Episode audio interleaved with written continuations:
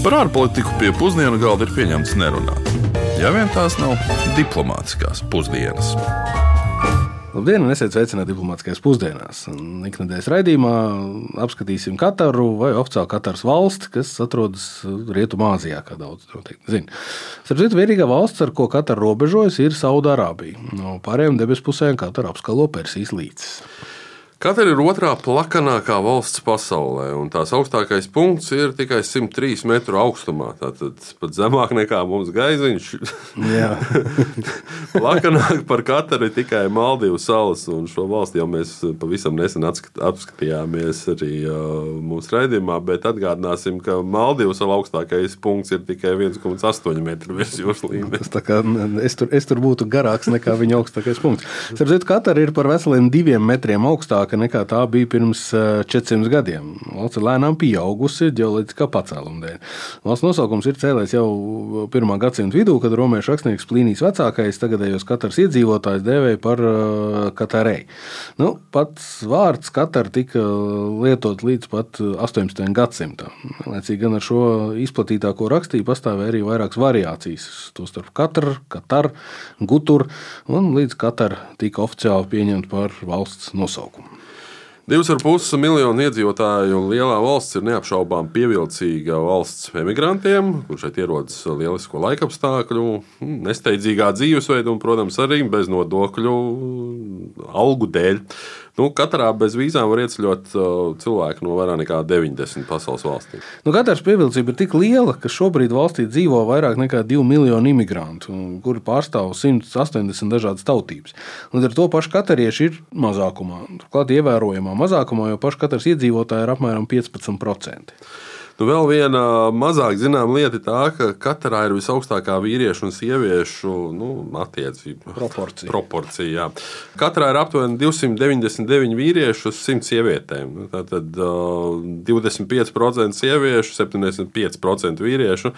Nu, jā, tas nozīmē, ka katrā ir par 1,46 miljoniem vīriešu vairāk nekā sieviešu. Nu, jā, tāda attiecība veidojas galvenokārt tāpēc, ka katrā ir šis lielais imigrantu skaits un tie pamatā tā ir vīrieši, kas ir pagaidu darbinieki palīgstrādnieki. Bet tagad gan paklausīsimies, ko par katru zina stāstīt šeit pat Rīgas ielā sastaptie cilvēki.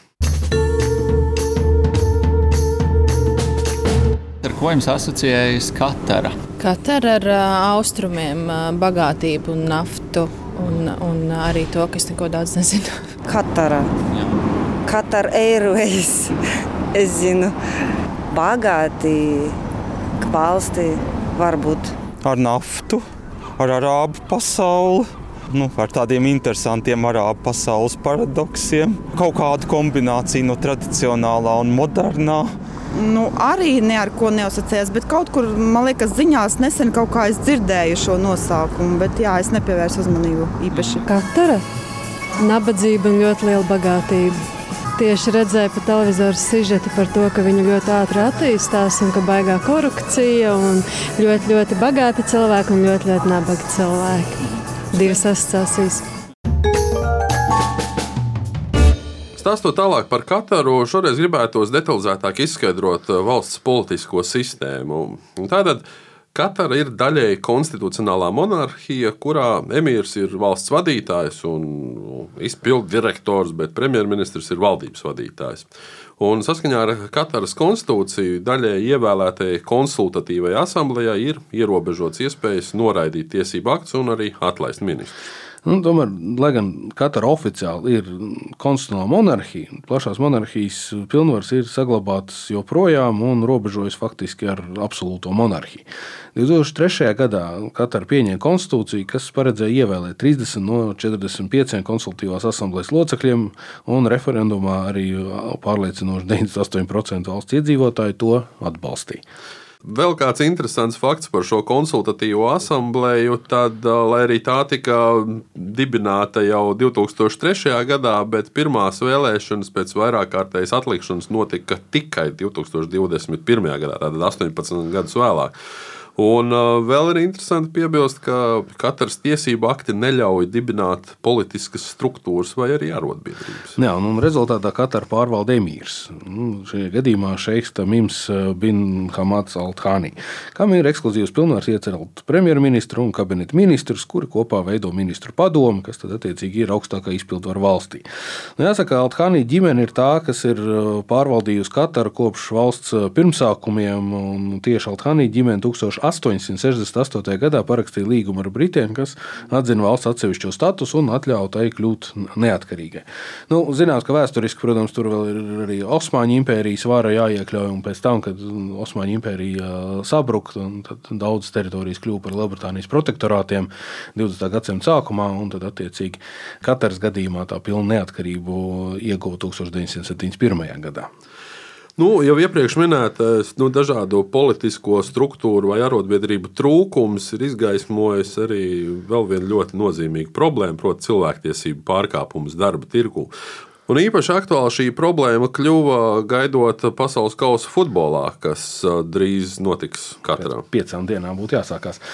Jā, un Katara, Katara ir pirmā arābu valsts, kas rīko FIFA pasaules kausu. Nu, šo notikumu tiešām gaida daudzi. Runā, ka pasaules futbola čempionāts esot pats pats skatītākais visā, visā pasaulē, ka ap miljardu pasaules iedzīvotāju regulāri pasaules kausu skatoties. Šis jāsaka gan, ir īpaši daudzos veidos, bet nu, pozitīvā veidā tas, ka šis būs pirmais pasaules kauss, kurā nebūs oglekļa emisija. Nu, Katarā ir uzbūvēta uzbūvēta 800 MW saules enerģijas stacija, kas attiecīgi nodrošinās turnīru, turnīru ar zaļo elektroenerģiju. Bet par to, kā futbols var spēlēt arī politiku, ja tā var teikt. Precīzāk, kā politiskie un dažādi cilvēktiesības skandāli ir ietekmējuši vai neietekmējuši čempionātu. To mēs jautājam latviešu sporta žurnālistam, televīzijas komentētājam un guru Anatolijam Kreipānam. Tādu vienu galvenu iemeslu grūti nosaukt, jo, protams, tur arī dažādi atšķirīgi un bieži vien pretrunīgi informācija par to stadionu celtniecību, par tiem tur strādniekiem, kas tur ir gājuši bojā un tā tālāk un tā joprojām. Un, un, un, protams, arī tas, bet nu, pēdējais, kas mani nu, pat nepārsteidza, bet, nu, ja būtu smieklīgi, varētu pasmieties, proti, bijušā FIFA prezidenta Zepa Blatera izteiciens. Jā, redziet, tā bija kļūda piešķirt katrai tiesības rīkot pasaules kausu. Tomēr tā ir pārāk maza valsts, lai tiktu galā ar šo pasākumu un tā tālāk. Varētu domāt, ka tad, tad Katārai piešķīra šīs tiesības, Katāra bija daudz lielāka valsts. Nu, jā, par to varētu pasmieties. Nu, es, tādu divkosību sen nebija dzirdējis ne no viena. Galu galā, kurš tad bija tad FIFA prezidents? Bet šis te izteikums, tas liecina, ka nu, tā ir bijusi diezgan tāda, nu, faktiski jāatzīst ilgstoša prakse šī, nu, mazo bagāto valstu naudas piešķiršana lieliem sporta funkcionāriem. Nu, acīm redzot, nav dūmu bez uguns, jā, jo tomēr tie pēdējie dažādi skandāli ir paplosījuši to pašu FIFA un UEFA un tā tālāk, jā, tās futbola organizācijas. Nu, kur ir ļoti liela nauda, tur ir ļoti liels kārdinājums. Laikam tā var teikt. Bet, nu, tā kā futbolā, futbola vidē jau pats fakts, ka turnīrs notiks tieši tagad, nu, tādas pozitīvas emocijas neizraisīja pilnīgi noteikti. Jā, nu, tas, ka Katāra ir ļoti bagāta valsts un ka viņi, ne, nu, Viņi var sarīkot da jebko. Man liekas, Arābu Emirāti vienreiz viņu pārstāvi izteikušies, jums vajag pie mums Ziemas Olimpiskās spēles sarīkot, nav problēma. Mēs arī to varam sarīkot. Es ticu, ka var. Jautājums, vai vajag? Jo pats tas termiņš 20. novembris līdz 18. decembris jau, jau tas vien radīja tādu lielu neizpratni daudzos. Jā, nu, nu labi, Katāra mums arī kos. Nu, es domāju, ka tā sportiskā puse un tās spēles tur jau nebūs nevaina, bet viss, kas ir ap to, nu, nu grūti pateikt. Tā pati Katāras izlase jau taču daudzus gadus e, FIFA cīnās un cīnījās pret to, pret to citu valstu spēlētāju naturalizēšanu. Ja? Un, un, un labi, pēdējās spēlēs jau viņiem tur stipri mazāk, kā divi, viens, varbūt trīs. Un viņiem tur tā, es neatceros, kā tur viņiem sauc to viņa likumu par to adaptēšanu. Tur, nu, jauno spēlētāju pusauģu vēl, pat gandrīz vai bērnu talantīgu spēlētāju pārvilināšanu, naturalizēšanu, ar, adoptējot viņus ģimenēm uz, uz, uz katru no citām reģionu valstīm un tā tālāk. Ar to jau arī bija diezgan daudz dažādu nesaprašanos un pat skandālu un tā tālāk, un pat draudu Katāras futbola nezinu, federācija vai savienība, kā viņi sauc viņiem. Jā, tā kā, nu, es pat, pat, pat Bundeslīgas spēlēju nesen Berlīnas Herta, kad spēlēju ar, neatceros, ar ko viņi spēlēja. Ar Mirkens Bayernu viņi spēlēja, un tur bija liels plakāts Berlīnas Olimpiskajā stadionā, ka boikotējam Kataru 22. Tas droši vien līdzekļiem bija adresēts. Tā kā nu, futbola aprindās, mm, nu, paši spēlētāji, kas viņiem atliek, viņi brauks un spēlēs, protams. Bet uh, nevar nepiekrist arī daudzām futbola zvaigznēm, kas ir izteikušās par to, ka nu, šāda FIFA rīcība rīko. Un, un tas pat nav tik svarīgi, ka tas ir Katārā, bet vispār nu, tas nozīmē, ka nu, viņi nereitinās ar futbolistu interesēm. Ja padomājiet, tagad nu, būs tik milzīga slodze, jā, un, un, un tiem spēlētājiem, un būs savainojumi un tā tālāk un tā joprojām. Nu, nu nezinu, katrā ziņā tur ir tik daudz dažādu tādu negāciju ap to turnīru. Es gan ceru, ka viss tā futbola daļa, tikai futbola daļa notiks. Nu, kā tam jānotiek? Bet, eh, nu, ja reiz viena no pasaules bagātākajām valstīm pasaulē, kā daudzi minēja un zina, tad laiks ir pieķerties un parunāt par ekonomiku. Nu, faktiski Katara ir ceturtā bagātākā valsts pasaulē pēc IKP uz vienu iedzīvotāju. Nu, saskaņā ar Startautiskā valūtas fonda aplēsēm Kataras iekšzemes koprodukts uz vienu iedzīvotāju ir 93,000 eiro. Salīdzinājumam Latvijas IKP uz vienu iedzīvotāju ir 34,000. Nafta, dabasgāze, tie ir katras ekonomikas stūrakmeņi, un uh, tie arī veido vairāk nekā 70% no kopējiem valdības ieņēmumiem. Uh, vairāk nekā 60% no iekšzemes koprodukta un aptuveni 85% no eksporta ieņēmumiem. Katrai ir pasaulē trešā lielākā pierādītā dabasgāzes krāta, un tā ir arī otrā lielākā dabasgāzes eksportētāja. Nu, tomēr valsts nav bijusi vienmēr bagāta. Nu, laikam, kā neviena. Vēl pirms gāzes atklāšanas Katars ekonomika lielā mērā balstījās uz tirzniecību, makšķerēšanu un niršanu pēc pērlēm. Tikai pēdējo 60 gadu laikā Katara ir pārvērsies no nabadzīga Lielbritānijas protektorāta par neatkarīgu valsti ar ievērojumiem naftas un dabasgāzes ieņēmumiem un valsts fiskālo patstāvību. Starp citu, pēļu niršana bija katras ekonomikas galvenais balsts gadu tūkstošiem, un tā tika izcelta kā galvenā valsts kultūras sastāvdaļa, ieskaitot šo unikālo violēto pērli. Tomēr tas viss mainījās 20. gadsimta 20. gados, kad uh, Japāna sāka eksportēt nu, rūpnieciski audzētās, kultivētās pērles, un vienkārši tirgus tika pārpludināts. Nu, katra tāpat kā daudzas Persijas līča reģionu valsts vienkārši pievērsās naftai.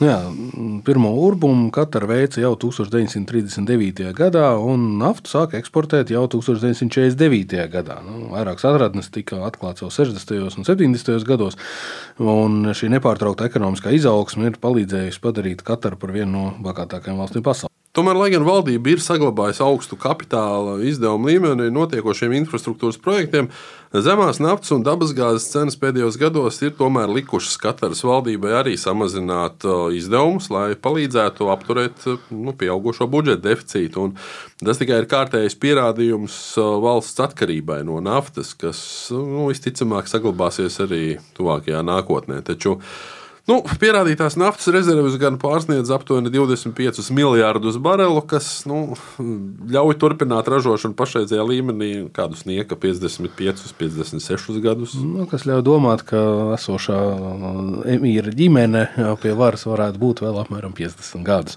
Nu, jā, apzinoties naftas izsīkšanas aspektu, attiecīgi katra mēģina dažādot savu ekonomiku, neraugoties naftas un dabasgāzes dominējošo stāvokli šobrīd nu, ir guvusi diezgan ievērojams panākums arī ar naftu nesaistītās nozarēs, piemēram, ražošanā, būvniecībā, finanšu pakalpojumus un rezultātā IKP daļa, kas nav saistīta ar naftu pēdējos gados, ir nepārtraukti palielinājusies.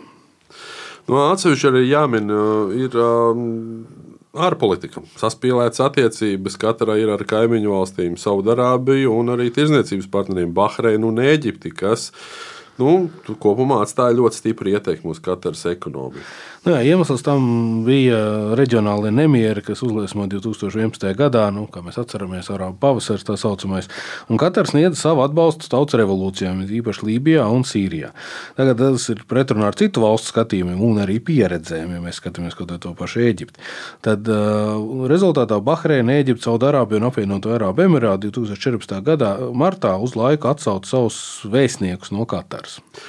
Nu, jāsaka, ka mm, Emīļs Altāni ir mēģinājis strādāt pie diplomātsko attiecību izveidošanas un, tā var teikt, sildīšanas. Tomēr vēl trīs gadus vēlāk, 2017. gada jūnijā, Bahreina, Eģipte, Saudārābija un apvienotā Arābu Emirāti mm, pārtrauca diplomātiskās un ekonomiskās attiecības ar Kataru. Un, nu, tādā veidā tika reaģēts uz iespējamiem uh, līguma pārkāpumiem un citām sūdzībām. Tomēr, tomēr diplomātu darbs uh, vainagojās panākumiem, un šīs diplomātiskās saites ar uh, šīm četrām valstīm tika atjaunotas 2021. gada janvārī. Vienlaicīgi, protams, tikmēr katrai bija jāmeklē jauni tirzniecības ceļi, jo esošo iztrūkšanu diezgan pamatīgi iedragāja arī valsts ekonomiku. Un rezumējot, no pērļu niršanas līdz uh, sašķidrinātās dabasgāzes un naftas atklāšanai un eksportēšanai. Katrai ir, ir veikts ļoti garš ceļš, uh, veidojot gan savu reputāciju dažādās nozarēs, gan jomās. Tagad ar šo spēcīgo ekonomiku, kas turpina augt, uh, nu, šī mazā Persijas līča pusela ir jau pionieris dažādās jomās, tostarp arī mākslā, aviācijā un nu, jau arī sportā. Lai cik būtu paēdis, vienmēr ir vieta arī desertam. Un šodien desertā mēs runāsim par futbolu, lai arī nu, neviens ne otrs īsti neesam tādi nu, simtprocentīgi nu, futbola fani. Nu, jā, jā, es, es sev uzskatītu par uh, fanu iesācēju. Nu, man Eiropas arī un pasaules čempionātiem. Es Sekoju, jā, jā, man liekas, mēs abi arī mēdzam uzspēlēt pagalmā ar puikām.